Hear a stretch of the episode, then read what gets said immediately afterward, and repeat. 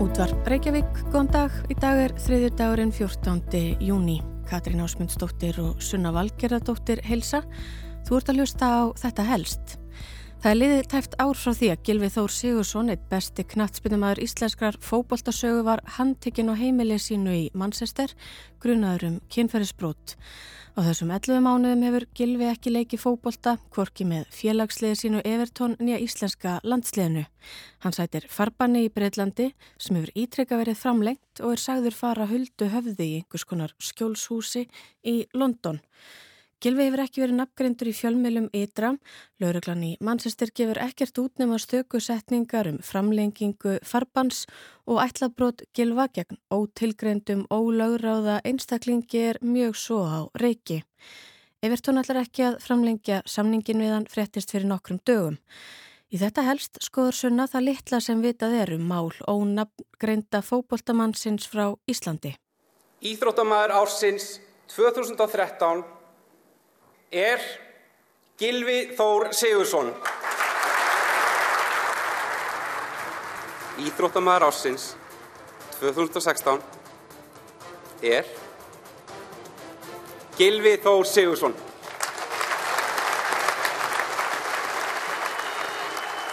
Sigurdsson and he scored! What a wonderful free kick from Gylfi Sigurdsson. Well, that is amazing. Gylfi Sigurdsson. He's set up a chance here for Sigurdsson. It's 2-1 to Arsenal. Og slökk móttaka nú opnast allt. Gylfi í færinu. Gylfi með skotið. Gylfi! Gylfi! Gylfi! Gylfi Þór! Sigursson fyrir annar! Já! Aldrei vekja mig! Aldrei vekja mig frá þessum geggjaða draumi!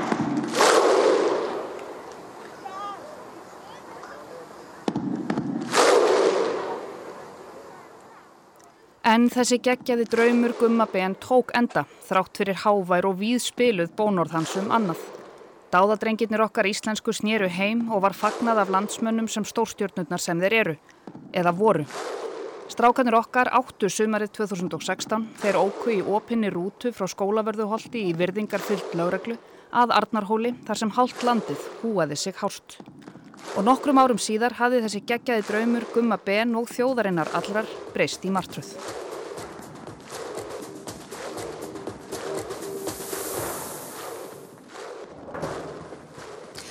Gylfi Þór Sigursson, skærasta stjarnan í íslenskum íþróttaheimi er sagður sæta rannsóknarna meintskinnferðis brots gegn ólögráða einstaklingi. Hann spilar ekki með enska úrvalsteldarliðinu Everton meðan að rannsókmál sem stendur. Fjölmiðlar í Breitlandi greindu frá því kjærkvöldi að leikmaður í ennsku úrvalsteldinni hefði verið handtekinn. Í tilkynningu frá lauruglunni í Manchester segir að hún hefði handtekkið 31 árs gamlan mann á förstu dag, 16. júli, vegna grunnsændar um kynferðisbrot gagvart barni. Bresk lög heimile ekki nafnbyrtingar á meðan slík mál eru rannsökuð en í breskum miðlum kom fram að fótboltamæðurinn leki stort hlutverk með landsliði sínu. Mikil umræða varð á samfélagsmiðlum um helgina þar sem því var haldið fram að Gilvi hefði verið handtekinn. Í morgun nafngreindu nokkrir erlendir miðlar íslenska landsliðsmannin og mbl.is greindi fyrst frá því íslenska miðla að Gilvi væri sá handtekni. Þarna heyrðu við í Arnari Björnsinni, fréttamanni Rúf, í fréttum fyrir tæpu ári, 20. júli. Magnús Geir Eyjólfsson, fréttamaður, var svo með málið í kvöldfréttum sama dag.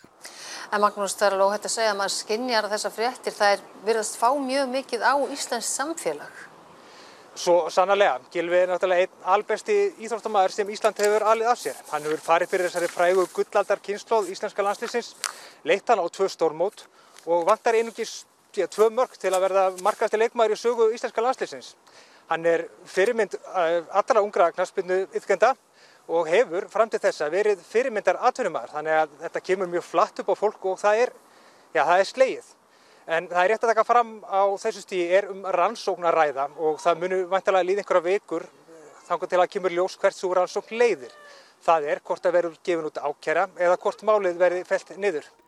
Væntanlega líða einhverjar vikur þar til eitthvað kemur í ljós, saði Magnús þarna fyrir tæpu ári. Eðlilega. Venjulega þurfum við ekki að býða í marga mánuði eða jafnvel ár þar til við fáum einhverjar haldbærar upplýsingar í svona málum. Að minnstakosti ekki á Íslandi.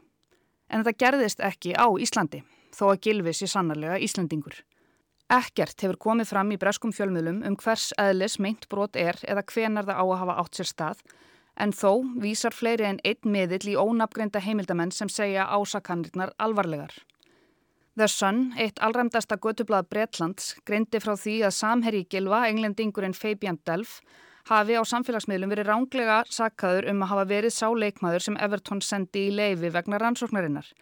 Það hafi komið til vegna þess að félagi nafngreindi ekki umrættan leikmann en fjölmilar greindu frá því að viðkomandi veri 31 á skamall og komið því aðeins tveir til greina, Gilvi og Delf. Því hafa fjölmarkir ránglega getið sér til um að svo síðarnemdi ætti hluta máli. The Sun sagði að leikmenn Everton hafi fengið tíðindin af handtökunni 19. júli og vonuðu allir eðlilega að um miskilning hafi verið að ræða. Blaðið fullirti þarna sömuleiðis að Gilvi neyti staðfarslega öllum ásökunum. Svo liðu dagarnir og svo liðu vikurnar. Um miðjan ágúst tæpum mánuði eftir handtökuna byrjuðu nokkrar fréttir að berast þótt þar væru ekki mjög upplýsandi um málið sjálft. Knasmyndumadurinn Gilvi Þór Sigursson verður áfram laus úr haldi lauruglu gegn tryggingu til 16. oktober hið minsta. Hann er til rannsóknar í Breitlandi grunaður um kynferðisbrot gegn barni og skæfréttastofan greinir frá því og hefur eftir lauruglu að lausnin hafi verið framlengt á meðan rannsókninni vindur fram. Gilvi er ekki nafngreindur í frétt skæ frekar en í fyrri fréttum breskra miðla lagarlegum ástæðum. Gilvi var ekki í leikmannahópi Everton í fyrsta leikliðsins í ennsku úrvalsteildinni í dag. Þjálfarar íslenska karlalandslýsins komið sér undan því að ræða efnislega mál Gilva Þórs Sigurssonar sem sætir lögregluransókn í Breitlandi. Liðið leikur þrjá landsleiki í byrjun september og voru hópurinn sem spilaði leikina kynntur í dag. Gilvi hefur ekkert spilað með Everton á tímabilinu og því kom ekki óvart að hann hefði heldur ekki verið valin í landslýshópin. KSI hefur sem minnst viljað upplýsa um gangmála og á því var engin breyting á blagamannafundinum sem KSI bóðaði til í dag.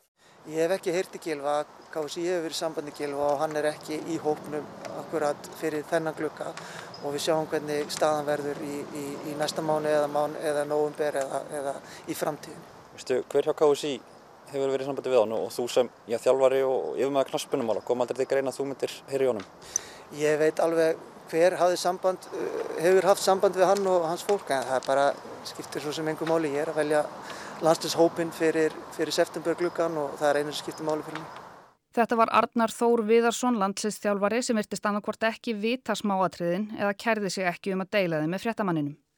Í september bárust svo fregnir frá Breitlandi að Gilvi yrði ekki á meðal þeirra 24 leikmanna Evertón sem voru skráðu til leiks í úrvalsteldinni í vetur.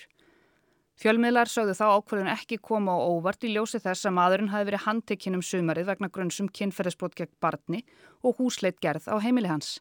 Óvíst er hvort Gilvi spili aftur í bláu treyjunni í það minnst að gerir félagið ekki ráð fyrir að nota hann fyrir nýja janúar hið fyrsta, sagði í frétt rúf í september.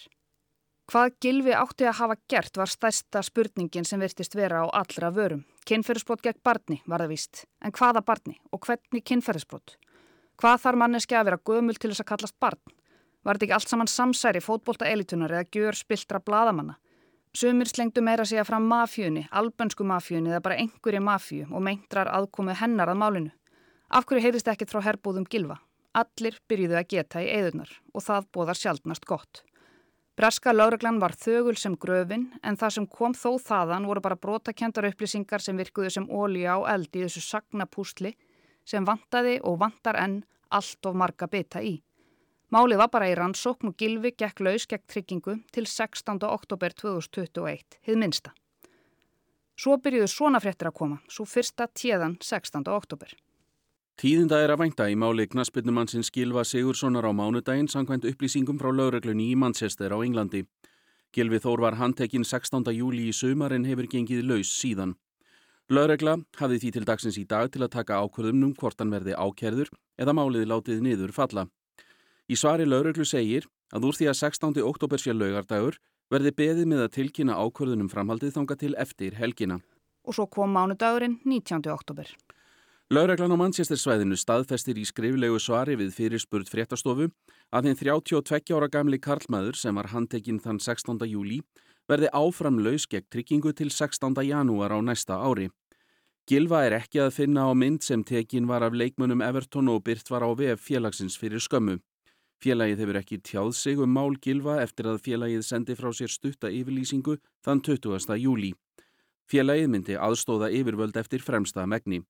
Engar upplýsingar hafa fengist um hvers eðlisbrotið er, annað en að það snúist um kynferðisbrot gegn barni. Sögursaknindar heldu áfram og kvísliði kaffifélarnar hækkaði og lækkaði á viksl. Stundum liðu nokkrar vikur á þess að einn einasta frétt væri skrifið um gilva í íslenskum miðlum en það fátt beitast þetta að vinna með annað en endursagnir á gamlu efni. Í lok januar kom svo í ljós að gilvi verði áframlaus samkvæmt skilirðum og í farbanni á Englandi fram til 17. apríl. Gilvi átti í fyrstu að vera laus en í farbanni fram í oktober en það var svo framlengt til 16. janúar. Láreglann á Manchestersvæðinu framlengti það svo um þrjá daga og byggust þá margir við að rannsóknin væri langt komin. Kvorki fórsvarsmenn KSI nýja landslýstþjálfari Íslands í knatsbyrnu hafa viljað tjá sig um málið síðan það kom upp. Þarna var komin önnur dagsetning til að vinna með, 17. april, þá myndi eitthvað gerast.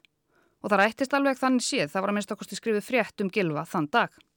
Knaspindumadurinn Gilvi Þór Sigursson verður áfram laus samkvæmt skilirðum og í farbanni fram til 16. júli, samkvæmt nýjum úrskurði domstóls í Breitlandi. Hann hefur þá verið í farbanni í ár.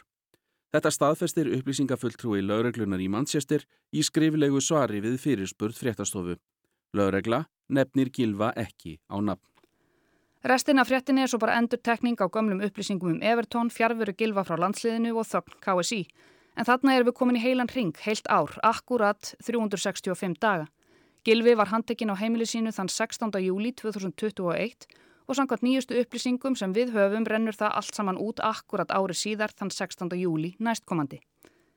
Það var svo núna um daginn bara þegar breska íþróttatímaritið The Athletic byrti grein undir fyrirsögninni Mál ónemda fótboltamannsinn sem er til rannsóknar vegna kynferðisbrots gegn barni eða The Case of the Unnamed Footballer Being Investigated for Child Sex Offenses. Það kemur svo sem ekkert nýtt fram í greininni þannig séð, ekkert frekar enn í öllum þeim þúsunda frétta og greina sem hafa verið skrifaður um mál gilva á þessu tæpa ári sem það hefur verið í gangi. En bladamæðurinn Daniel Taylor byrjar á því að lýsa fallegri breyðgötumynd þar sem Gilvi bjó í Manchester, stórar glæsivillur, umkringdar háum veggjum, vegleg hlið, öryggismyndavelar út um allt og nógu mikið af kraftmiklum bílum til þess að staðfesta að þetta sé hólmlenda fótboltamannsins. Það var hér, daginn síðasta sumar þegar rannsónalauruglumenn bönguð upp á hjá fótboltamanni einum í tengslu við rannsókn á myndri kynferðisleiri misnótkun á barnin. Þessa dagana fer þessi fókbaltamaður huldu höfði og heldur til í húsnaði sem er skilgreitt sem safe house eða skjólhús. Honum er ekki bóðið í golf með liðsfölunum sínum eða í kaffibotla eftir æfingu. Hann hefur verið fluttur á ótilgreyndar stað á meðan lauruglan rannsaka þar ásakanir að hann hafi beitt stúlku undir 16 ára aldri kynferðslegu ofbeldi. Fartölun hans hefur verið tekinn og það hefur meira að segja verið gefið í skín að teipað hafi verið fyrir glugga í nýja húsinu hans til að koma í vegferir að drónar geti tekið myndir innum þá. Sagt er að fókbóltaliði hans hafi komið honum fyrir í þessu húsi. Engina félögum hans í liðinu vil tala um þetta en það veit engin nákvæmlega hvað er í gangi fyrir utan hans nánasta ring. Segir Taylor í grein sinni um hinn ónemda fótbóltamann. Breska ríkisútvarpið BBC greindi frá því fyrir nokkrum dögum að Gilvi væri einn þryggja landslýsmannafélagsin sem fær ekki endur nýjaðan samning eftir hann rennur út nú í júnilokk. Það tæfta ár síðan að Gilvi var handekinn af lauraglaugrunuðar um kynferðisbrot gegn barni eða ólögrað á mannesku eða stúlku undir 16 ára aldri það fer alltaf eftir því hvern nú spyrð. En eins og ítrekkað hefur komið fram gengur þessi gulldrengur Íslands en laus gegn tryggingu þó að með svo sem deila um það hvort einangrunn í ótilgrendu húsi eða íbúð með skigðum glukkum sé sama sem merki við það að ganga laus. Við getum líklegast búist við næstu fréttum eftir rúman mánu þann 16. júli þegar nýjasta framlenging rannsóknarlauruglunar í Manchester rennur út. Hvort það þýðir bara enn einn framlengingin eða hvort lauragland takki þá eitthvað veiga mikið skref í málinu sem er þá annarkvort ákæra eða niðurfælling málsins, verður tíminn eignast að leiða í ljós.